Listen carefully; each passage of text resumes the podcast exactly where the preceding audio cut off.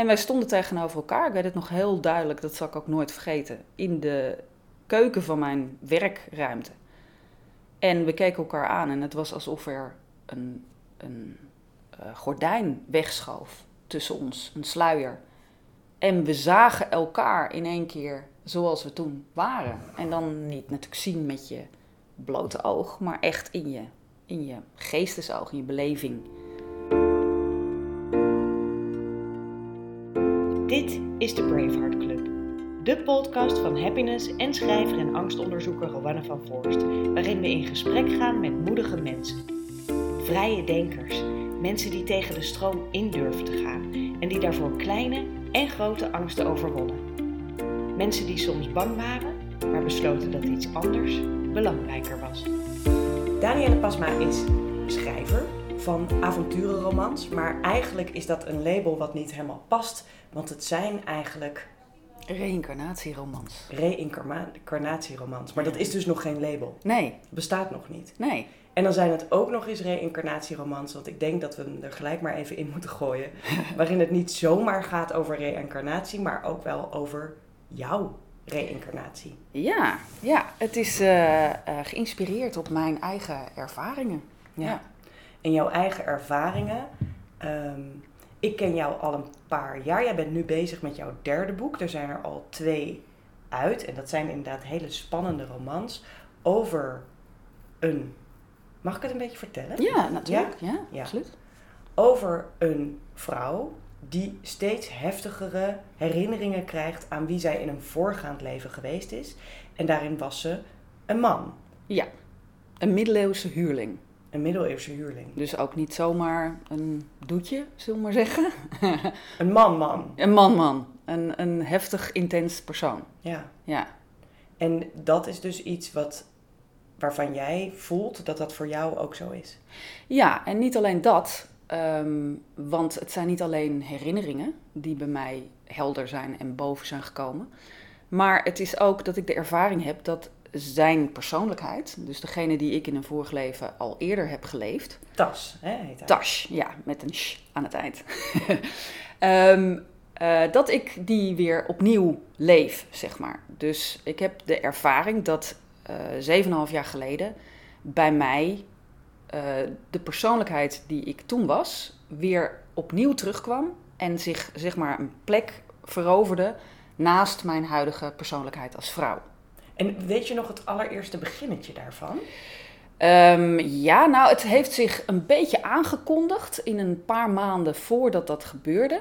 Uh, het is namelijk gebeurd ook tegelijkertijd met um, de herinneringen die wij terugkregen, ik met mijn beste vriendin. Die ik al heel lang ken, die ik echt uh, toen al meer dan 15 jaar kende. En voor ons was reïncarnatie altijd een gegeven. Maar we hebben ons nooit afgevraagd, wat zouden we eigenlijk van elkaar geweest zijn? We hadden een heel sterk gevoel van herkenning toen we elkaar voor het eerst ontmoetten. Een beetje wat je kan hebben met mensen, dat je tegen elkaar zegt, oh nou, misschien, ik kijk heel eventjes of deze goed loopt hoor. Die loopt keurig. Um, oh, misschien kenden we elkaar al uit een vorig leven. Ja, dat gevoel. Dat, dat hele sterke gevoel van als je iemand voor het eerst ontmoet, van ja, maar jou ken ik al. Alsof je doorgaat waar je gestopt bent, zeg maar. Ja. Dat had ik bij haar ook. En wij hebben uh, eigenlijk dat altijd aangenomen van elkaar dat we elkaar al ooit eerder ontmoet hadden. Maar ons nooit afgevraagd als wat dan, of hoe dat dan geweest zou zijn, of wie we dan waren. En een paar maanden voordat dit bij mij allemaal openbrak, kregen we het daar plotseling over. Wat, wat op zich raar was na al meer dan 15 jaar uh, vriendschap. En uh, toen vroegen wij ons dus af, wat zouden we eigenlijk van elkaar geweest zijn? Wat, wat zouden we geleefd hebben samen? En toen kwam dat eerste gevoel al van, dit is een mannenvriendschap geweest. We hebben een, een leven geleid als twee mannen, als boezemvrienden. Um, maar een leven zonder verder eigenlijk verbindingen met andere mensen. Een, een trekkend bestaan. Dat, dat hadden we al heel Dat hadden jullie alle twee? Alle twee, ja. ja. En toen was er uh, uh, op een gegeven moment een dag. Uh, dat was een, uh, ik vertel het ook al, dat was een vrouwendagje hielden wij. We hadden een, een dag waarin we... Um, waarin zij met haar dochter bij mij met mijn dochter thuis kwamen. En... Um, wij gingen van alles doen. Uh, crea bea, dingetjes, een beetje frutselen. Die meiden die hadden een leuke tijd samen. En we kregen het weer over dat onderwerp. Over dat vorige leven. Van wat zouden we nou, hoe zou dat nou geweest zijn? En wij stonden tegenover elkaar. Ik weet het nog heel duidelijk, dat zal ik ook nooit vergeten. In de keuken van mijn werkruimte. En we keken elkaar aan en het was alsof er een, een uh, gordijn wegschoof tussen ons, een sluier. En we zagen elkaar in één keer zoals we toen waren. En dan niet natuurlijk zien met je blote oog, maar echt in je, in je geestesoog, in je beleving. En met dat beeld wat ik van haar kreeg, dus ik zag uh, ineens een hele grote uh, donkerharige kerel voor me, um, voelde ik bij mezelf in één keer het gevoel terugkomen, uh, ja, alsof ik hem, dus degene die ik in mijn vorig leven was, in één keer weer werd. En dat was een hele intense ervaring. Er kwam echt een soort rush van energie bij me boven. Um, en een heel sterk mannelijk gevoel. En wij keken elkaar aan en met dat het soort openbrak kwamen ook allemaal herinneringen terug en boven. En had zij dat ook op hetzelfde moment? Zij had het op hetzelfde moment ook. Alleen bij haar, aan het einde van de dag, trok dat gevoel weer weg, zeg maar. En ging het bij haar op de achtergrond. En was zij weer gewoon weer zichzelf. Ja. En bij mij bleef het naast mijn gewoon vrouwelijke persoonlijkheid die ik nu heb. Dus je voelde je Danielle en je voelde je Tash op hetzelfde moment. Maar je wist Ja. toen waarschijnlijk nog niet wie dat was, of wel? Nee, nee. Dat kwam, want vanaf dat moment kwamen er wel steeds meer herinneringen terug. En langzamerhand begon dat duidelijk te worden. Ik kreeg, we kregen onze namen terug. Die kwamen gewoon in één keer heel sterk boven. En met dat, want het was, ik hoorde mijn naam ook echt als Tamash. Ehm, Dat is de langere variant. Dat is de langere variant, Tasje is de afkorting. Ehm, en met, dat, met die naam ook, eh, kwam er ook heel sterk het gevoel van, ja, maar dit was niet, dit was niet hier, dat was, waar was het dan? Dat was, het was in Hongarije. Eh, daar is ons leven in ieder geval begonnen. En ja, langzamerhand bleef er eigenlijk in, nou ja, in die, nog steeds komen her- herinneringen terug. Maar vooral in die eerste periode stroomden ze werkelijk terug. Gewoon dagelijks, door de hele dag heen. Ik kreeg constant spontane ehm, ja, regressies eigenlijk. Ik ga je een beetje een nare vraag stellen, maar wel een belangrijke, denk ik. Heb je toen wel eens gedacht dat je gek werd? Mm, absoluut. ja, absoluut. Ja, ik dacht dat ik knettergek werd. Of getwijfeld? Dat Ja. je dacht, nou, ik verzin dit gewoon? Oh, ab- ook, absoluut. En alles is langs geweest en ik heb ook echt eh, flink geworsteld. Want het waren ook niet de meest ehm, zachtzinnige herinneringen, zeg maar. Het Nee, want als je jouw boeken leest, dan was Tash iemand die ehm, rondtrok, veel vocht, eh, veel avonturen beleefde met vrouwen, maar ook wel moorden, bijvoorbeeld. Ja, het was gewoon een keiharde ehm, man. ehm, die ja, gewoon een heel eh, wild en, en hard leven eh, leidde, zeg maar, in die tijd. Ja. Maar ook gewoon de nodige, ja, donkere gedachten bij zich had. En dat was heftig. Om Kende jij dat soort voelen. gedachten van jezelf? Nee. Want ik weet uit jouw boek 2, dan wordt hij op een gegeven moment echt best wel depressief. Ehm, of de vrouwelijke personage eigenlijk in zijn plaats. Want die krijgt steeds zijn gedachten over er niet meer willen zijn en donkerte en schuld. Kreeg jij dat soort gedachten? Ja, ik voelde dat, maar als hem. Ja. En ik kon daar wel. ehm, het heeft me een tijdje geduurd om het goed te kunnen ehm, te managen, zeg maar. Want ik eh, voelde dat als mijn gewone huidige persoonlijkheid. En wist ook tegelijkertijd dat het niet van mij was. Dat het echt van hem was. Maar ik ben hem. Dus Mhm. ehm, het, het duurde even voordat ik echt goed kon omgaan met dat twee zijn. Ja. En tegelijkertijd met als hem, dus als mijn mannelijke zelf, al dat soort eh, gevoelens en ervaringen hebben. Hij is, eh, hij heeft een, eh, en ik praat nu over hij, maar voor mij is het mij. Ja. Hè? Dus dat Ja. is altijd een beetje verwarrend. Ehm, maar als Tash heb ik eh, een, een geschiedenis eh, die mij, ja, die behoorlijk traumatisch ehm, is geweest. Ja. En die mij in het, in, toen, in het verleden, enorm gevormd heeft. En ik kwam als het ware terug. Ik werd wakker als Dash. eh, op het moment dat ik ben gestorven, zeg maar.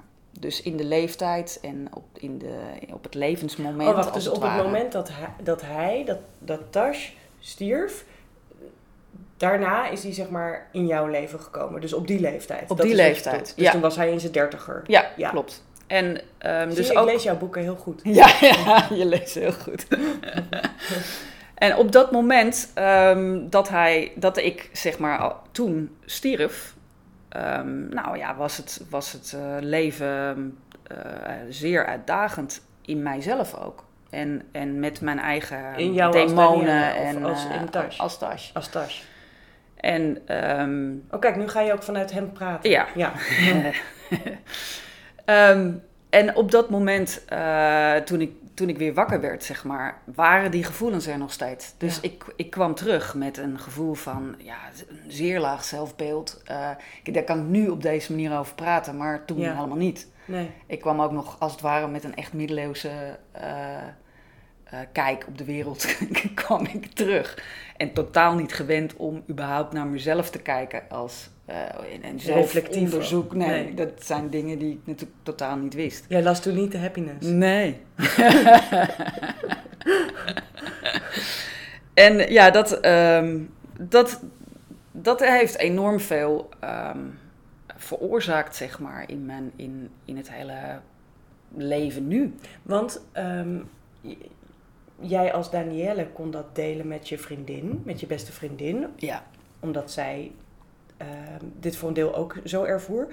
Durfde je het te delen met een partner als je die toen had, eh, omgeving? Ja, ik heb het, eh, ik heb het toen wel gedeeld met mijn, eh, met mijn man. Ehm, ja, die vond dat best heel erg lastig om daarmee om te gaan. En zeker toen ook bleek dat hij niet wegging. En dat hij, als het ware, ook deel van zijn leven ging uitmaken. Lag hij ineens met een man in bed? Ja, ja dat was wel een dingetje.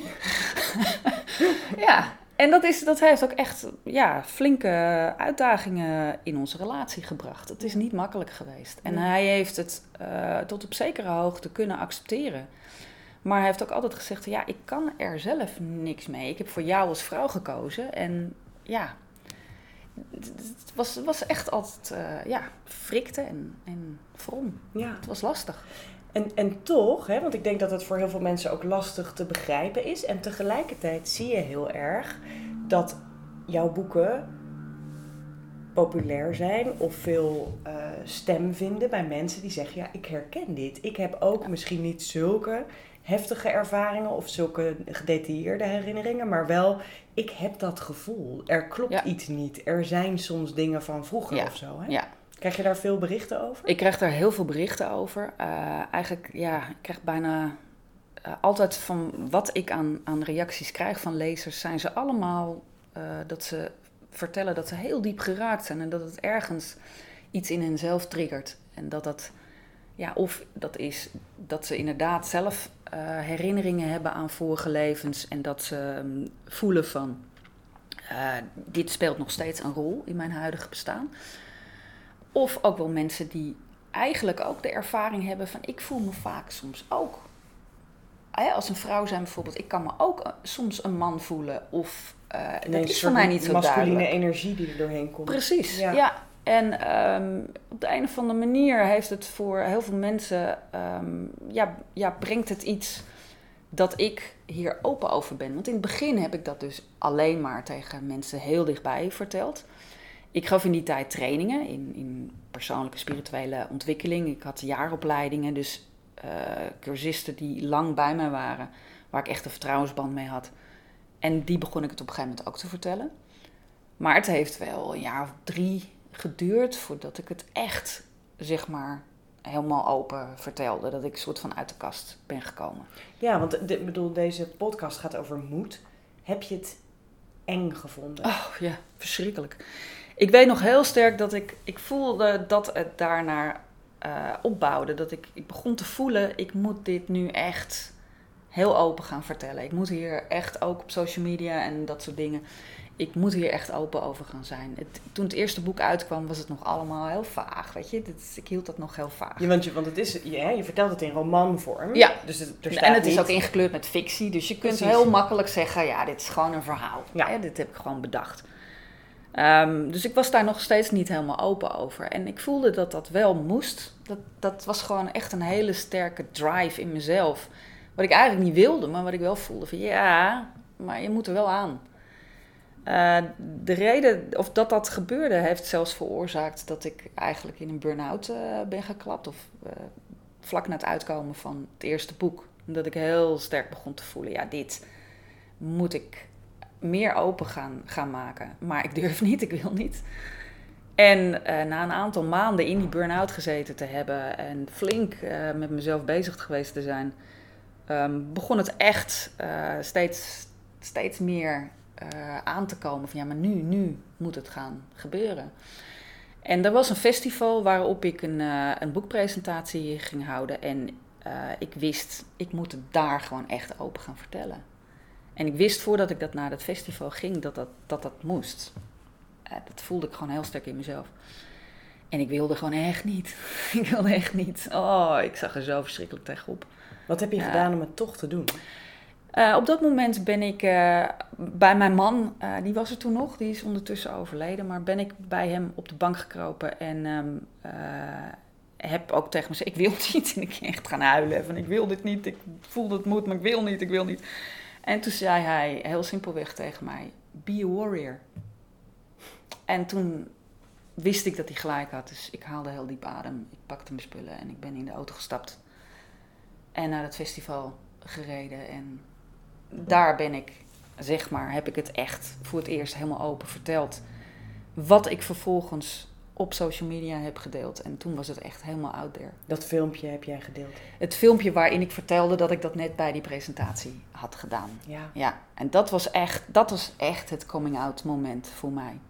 En het daarnaartoe bewegen, dat, dat kostte zo ontzettend veel moed. Maar toen het er helemaal was, toen was het allemaal oké. Want wat heeft het je gebracht, denk je? Dat je er open over kunt zijn? Dat je het misschien ook opener kunt exploreren in jezelf? Absoluut. Eh, het heeft me veel meer vrijheid in mezelf gebracht. Want ja, voorheen wist ik het dan allemaal wel zelf, hoe ik in elkaar zat en hoe ik ehm, in mijn leven sta. Maar de buitenwereld wist dat niet, dus ik kon dat ook nergens echt tonen. En nu, ehm, ik ben gewoon mijn twee persoonlijkheden. En eh, eigenlijk bijna in iedere situatie kan ik dat zijn. En dat geeft me ongelooflijk veel vrijheid. Want hoe werkt dat dan? Eventjes voordat we doorgaan, want ik ben wel heel benieuwd wat voor, wat voor inzichten zeg maar, je hebt doorgemaakt door dit zo openlijk te kunnen exploreren. Maar even voor mijn helderheid. Dus wij zitten hier nu te kletsen.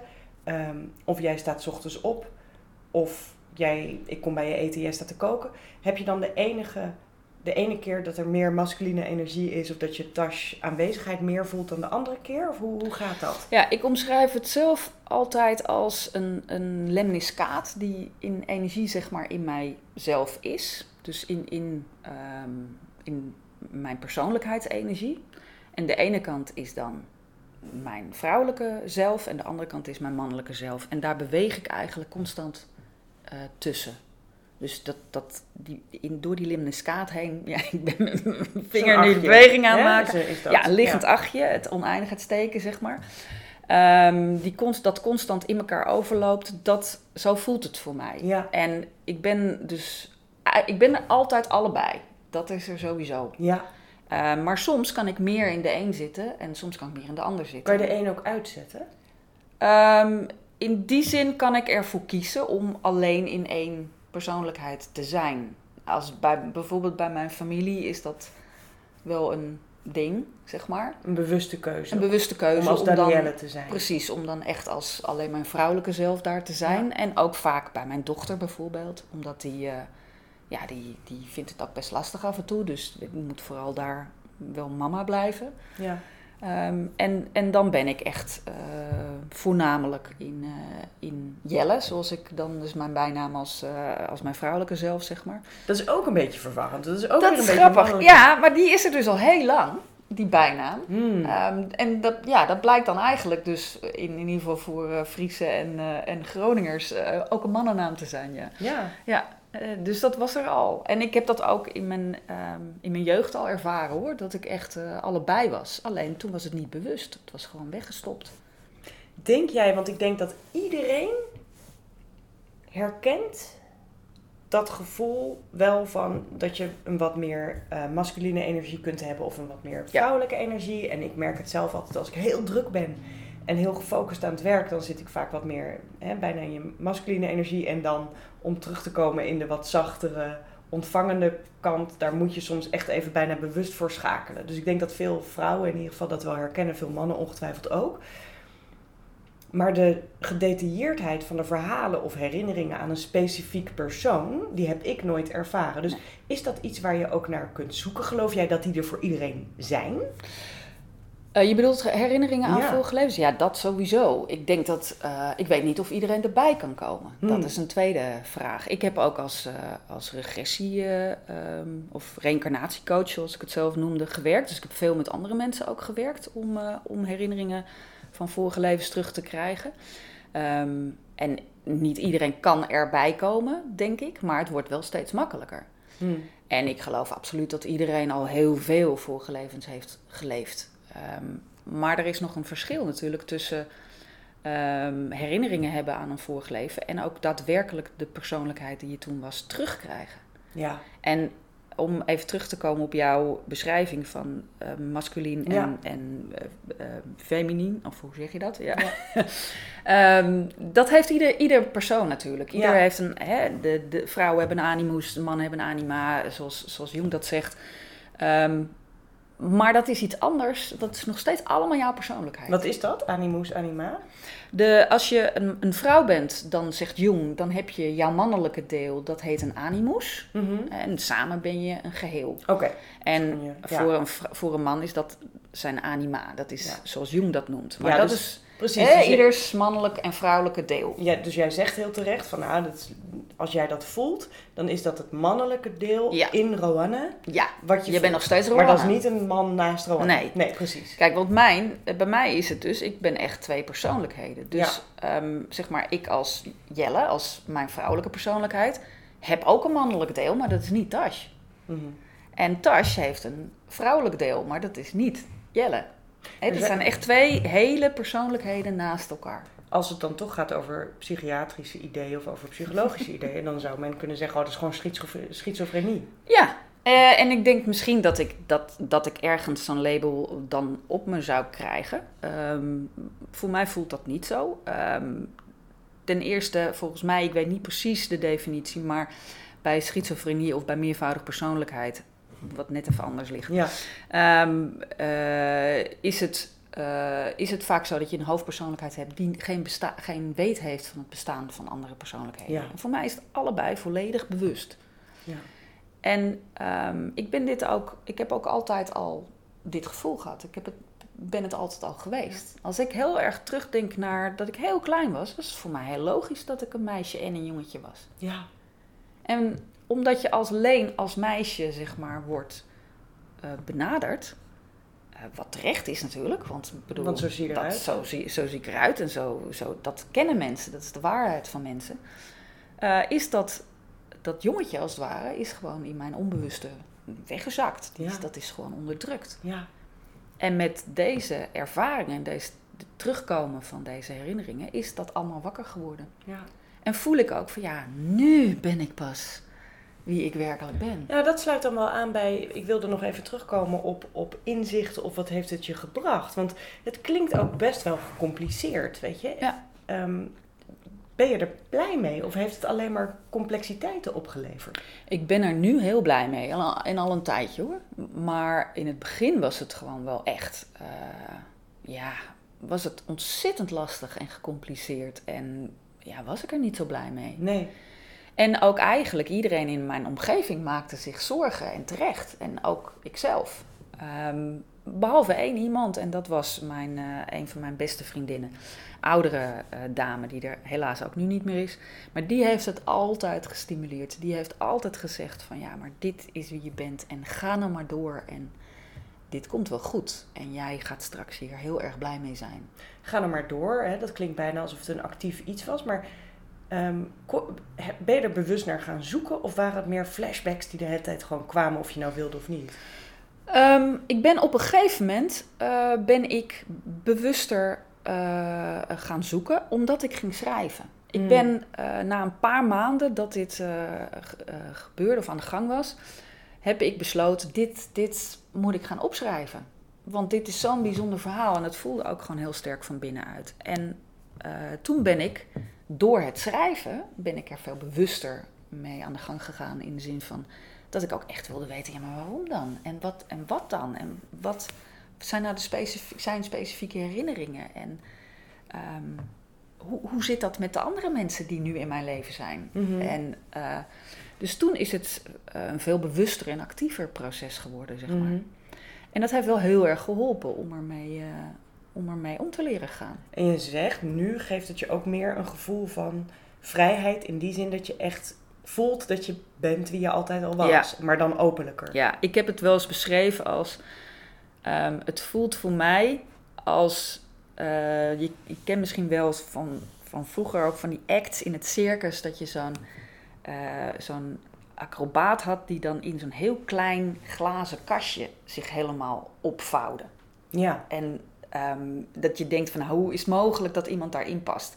Zo'n lenig iemand die volledig daar opgevouwen Ja. en ingeklemd zat. En het voelt voor mij alsof ik zo'n uh, zo'n artiest was die altijd daarvoor in zo'n kastje opgesloten zat. En nu gewoon eindelijk daaruit kan en mijn ware grootte kan aannemen en kan ademen en ja. vrij kan zijn.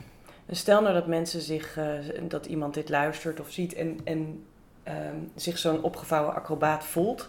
En ergens jouw woorden heel erg voelt resoneren en denkt, oh ja, ik wil hier eigenlijk ook wel wat mee. Wat zou een tip zijn die je zou willen meegeven aan mensen die hier misschien iets mee willen?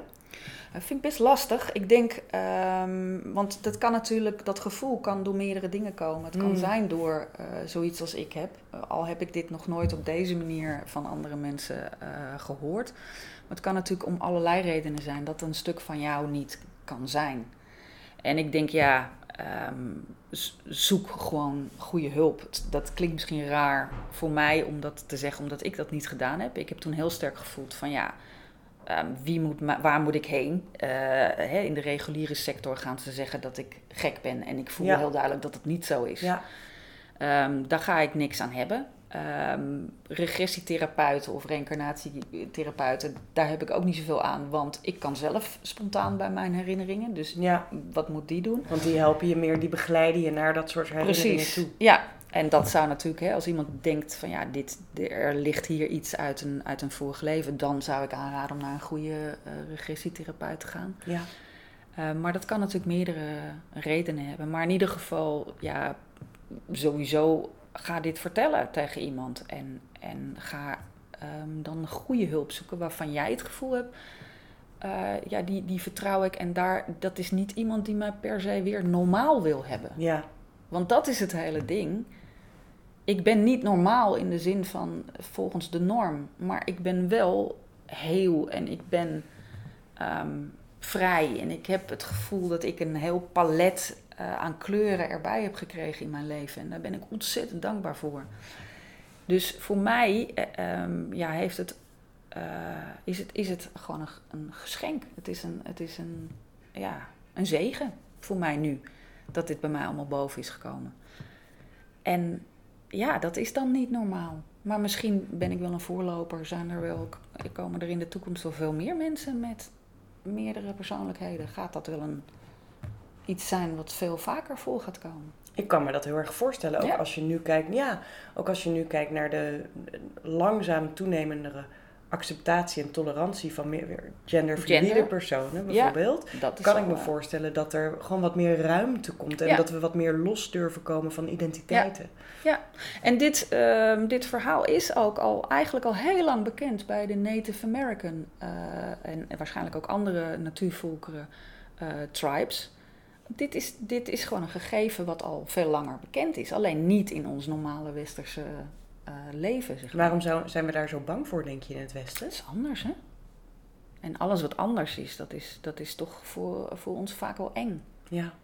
Mensen kunnen je vaak dan niet, niet in een hokje plaatsen. Want Dat is voor mij ook. Er zijn soms formulieren of aanmeldingen of zo waar je dan, eh, en dat vind ik heel tof, als je, soms moet je aankruisen of je man of vrouw bent. En, en, en sommigen hebben daar een andere Iets Optie ertussen of voor. zo staat er Ja, dan. of iets anders. anders. Ja. Eh, Facebook bijvoorbeeld ook. Ja. Kan je je gender zelf, zeg Ja. maar, invullen. Wat heb je En, daar ingevuld? eh, eh, allebei, hij, zij. Hm. En ik heb als, als gender Two-Spirit ingevuld. Ja. Want dat is En dat hoe je jezelf nu definieert, two-spirit. Ja, het is, het, ik vind het een beetje lastig omdat het een term is die volgens Native Americans alleen aan, aan hen is eh, voorbehouden. Mhm. Ehm, wat ik altijd een beetje apart vind, want waarom zouden er geen Two-Spirits buiten de Native American Ja. cultuur zijn? Eh, maar zij kunnen daar nogal fel op zijn. Ehm, en het is voor mij ook altijd een beetje zoeken van ja, wat is dat de term die, die de lading dekt? Of een dual personality? Ehm, ja, omdat, het, omdat er nog niet een, een ehm, precedent is, zeg maar, is het ook gewoon heel lastig Ja. het te omschrijven. Maar ja, ik gebruik nog steeds regelmatig de term True Spirit. En die voelt voor mij op zich goed. Ja. Ja. Nog twee vragen, want ik zat net te bedenken. Ehm, hè, we hadden het allemaal over de moeilijkheden en zo. En ehm, dat het je ook veel vrijheid heeft gebracht. Ik dacht even gewoon voor de fun.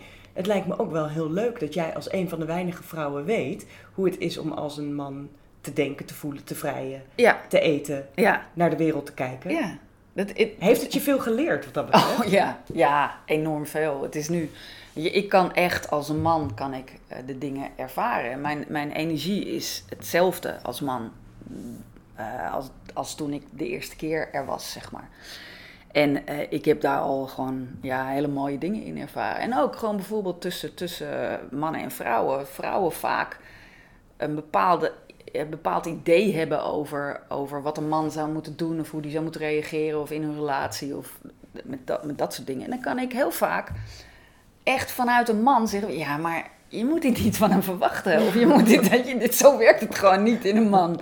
En eh, ik kan ook van dat soort dingen zelf bijvoorbeeld hebben. Dat ik, ik kwam een keertje bij mijn beste vriendin thuis en die had haar hele kamer omgegooid. Het was volkomen anders ingericht. En ik zag helemaal niks. ik kwam als tas daar binnen en ik had gewoon volkomen dat niet door. En ik zat al een half uur op die bank en toen keek ik om me heen.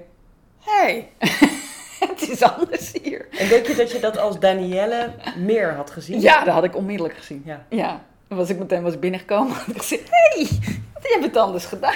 En dus nu, als voortaan een man niet ziet dat jij je haar hebt geknipt, dan snap jij dat. Absoluut, ja. Dan, ja, dan ik geef weet- je hem een beetje slack. Dan denk je, ja, Ja, dat ja. kon je gewoon niet zien. Nee, En dus dit is, ik, ik kan echt me in allebei natuurlijk gewoon heel goed verplaatsen. En dat kan gewoon eh, ja, het ook hele leuke momenten opleveren. Ja. ja. Ja. Hey, als laatste vraag stel ik altijd aan alle mensen, omdat we het natuurlijk toch hebben over dingen die je eng vindt. Ehm, ja, doen, hulp vragen, toch maar vertellen aan je man, toch maar vertellen aan de mensen. Wat vind jij moed? Wat vind jij moedig? Ik heb daar ook over nagedacht. ehm, en ik, voor mij ehm, kost het mij de meeste moed, om het zo te zeggen, om echt rukzichtloos mezelf te zijn. En ik denk dat dat voor heel veel mensen geldt. Want niet iedereen hoeft, je hoeft niet een two-spirit te zijn of hè, zoiets mee te maken als ik. eh, om, dat, om dat moeilijk te vinden. Om echt jezelf te zijn. Ja. Om echt openlijk, wat er ook gebeurt, voor wie dan ook, jezelf te zijn. Ja. En dat heeft mij heel veel moed gekost om daarheen te komen. Ja. Nu niet meer. Want nu ben ik soort van de drempel over en heb ik de vrijheid daarin. Ja. En dat, is, dat krijg je namelijk. Als je die stap gemaakt hebt, dan geef je jezelf zoveel vrijheid. Dus het is het wel waard. Oh, absoluut. Ja. Ja. Alright. Dankjewel voor het mooie gesprek. Voor je openheid. Dat was hem alweer, de Braveheart podcast van schrijver en onderzoeker Roanne van Voorst. Dat ben ik dus, voor de happiness. En deze keer sprak ik met auteur Danielle Pasma. Mocht je nou meer willen weten over Danielle of over de andere Bravehearts die ik interviewde, kijk dan even op www.happiness.nl slash braveheart. En mocht je deze episode inspirerend hebben gevonden, dan zijn we ontzettend blij met een mooie review in je iTunes-app. En dat kan gewoon met sterretjes of helemaal mooi met woorden. Want dan wordt het veel makkelijker voor andere mensen om deze podcast te vinden. Vast dank, Fijn dat je luisterde en tot de volgende keer. Bye!